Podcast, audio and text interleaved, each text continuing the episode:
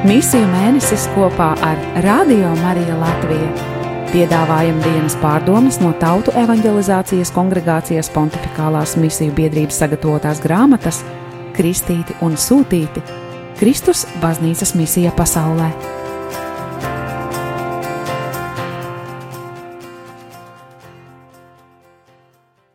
2019. gada 5. oktobris.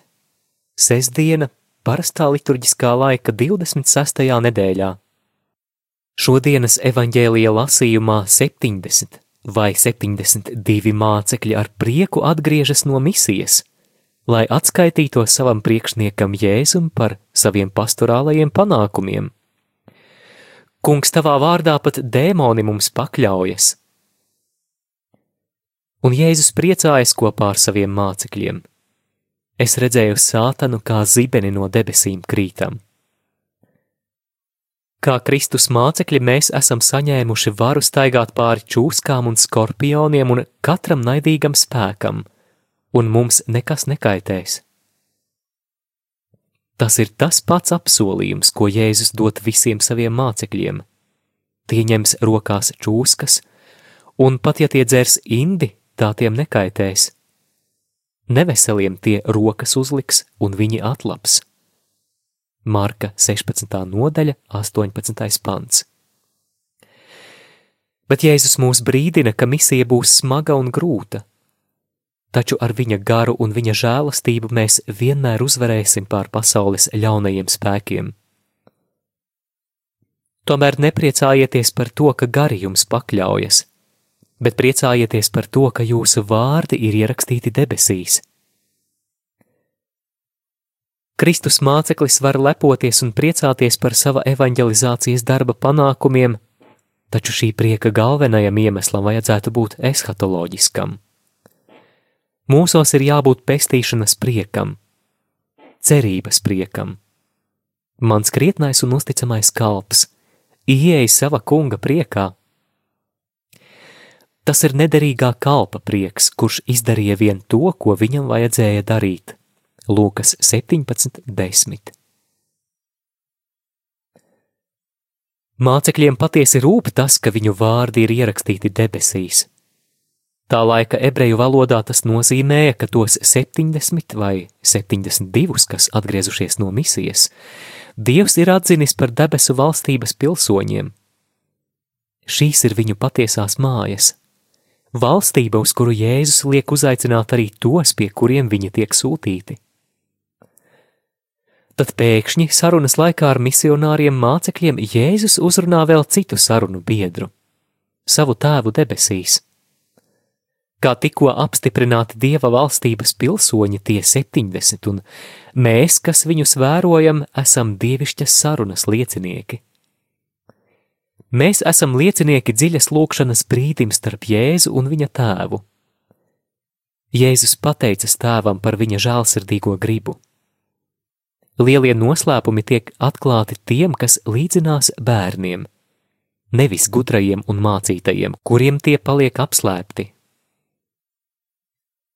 Vēsturiskajā kontekstā Jēzus misijā sūtītie mācekļi ir bērni ne tikai tāpēc, ka viņi gūst savu pirmo misionāro pieredzi – bet arī tāpēc, ka viņi iespējams nekad nebija saņēmuši formālu izglītību par dieva lietām, kādu guvuši skoloti rabīni, rakstu mācītāji un citi tā laika ebreju vadītāji. Tas nenozīmē noliegt teoloģiskās formācijas vērtību, bet gan atzīt, ka sastapšanās ar Dievu vienmēr ir Dieva dāvana, un ka ticība Dievam ir katras misijas pamats. Pēc tam Jēzus balsī komentē savu un tēva attiecību dabu.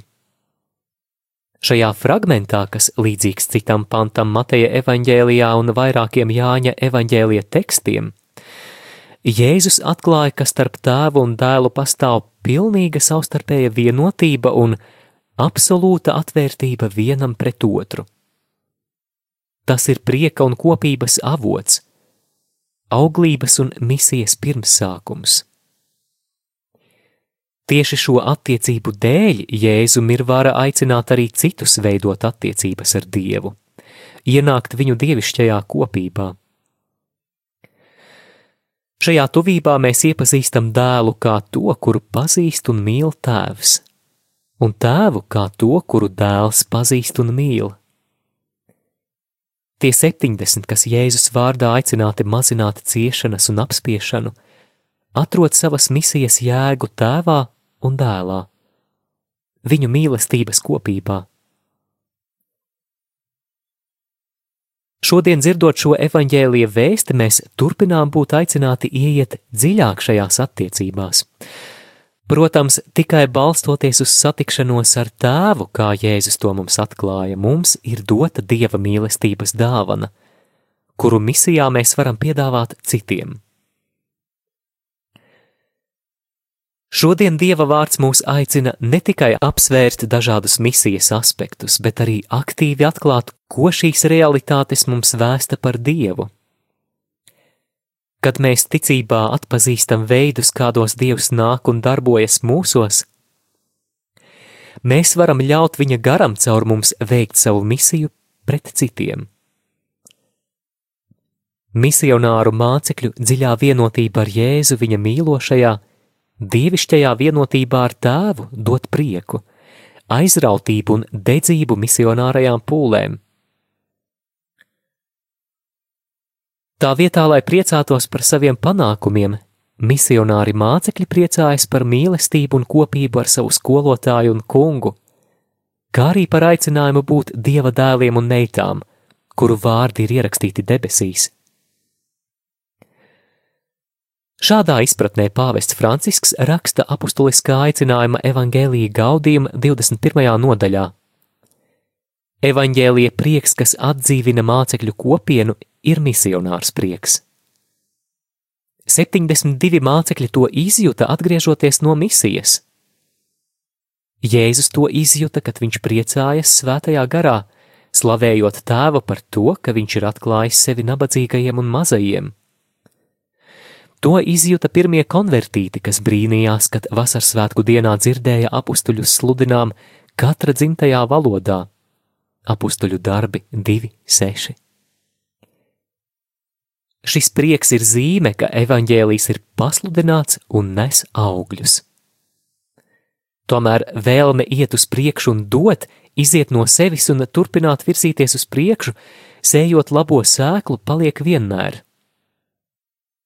Kungs saka, iesim uz tuvējiem miestiem, kā arī tur es sludinu, jo tādēļ es esmu nācis. Marka 1, 38.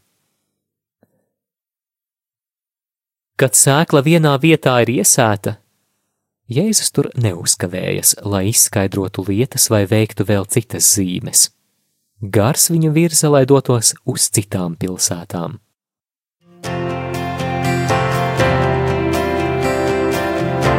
Dzirdējāt dienas pārdomas no Tautu evanģelizācijas kongregācijas pontificālās misiju biedrības sagatavotās grāmatas Kristīti un Sūtīti - Kristus baznīcas misija pasaulē.